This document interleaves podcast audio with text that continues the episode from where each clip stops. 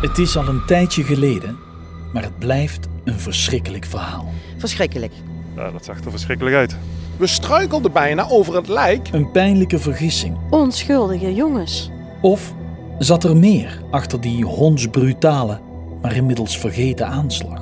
Ja, die fuck-up is wel echt. Dat, dat, laat ik zeggen, die is extreem verdacht. Bloody Sunday in Roermond Shit. is een vierluik over schuld, over vluchten, over domme fouten en gepakt worden. Hoe kun je zo naïef zijn? En dan toch weer ontsnappen. Ik zie het gewoon gebeuren. Gewoon. Een verhaal over moord, vrijheidsstrijd, wapendepots, geheime diensten en bommen.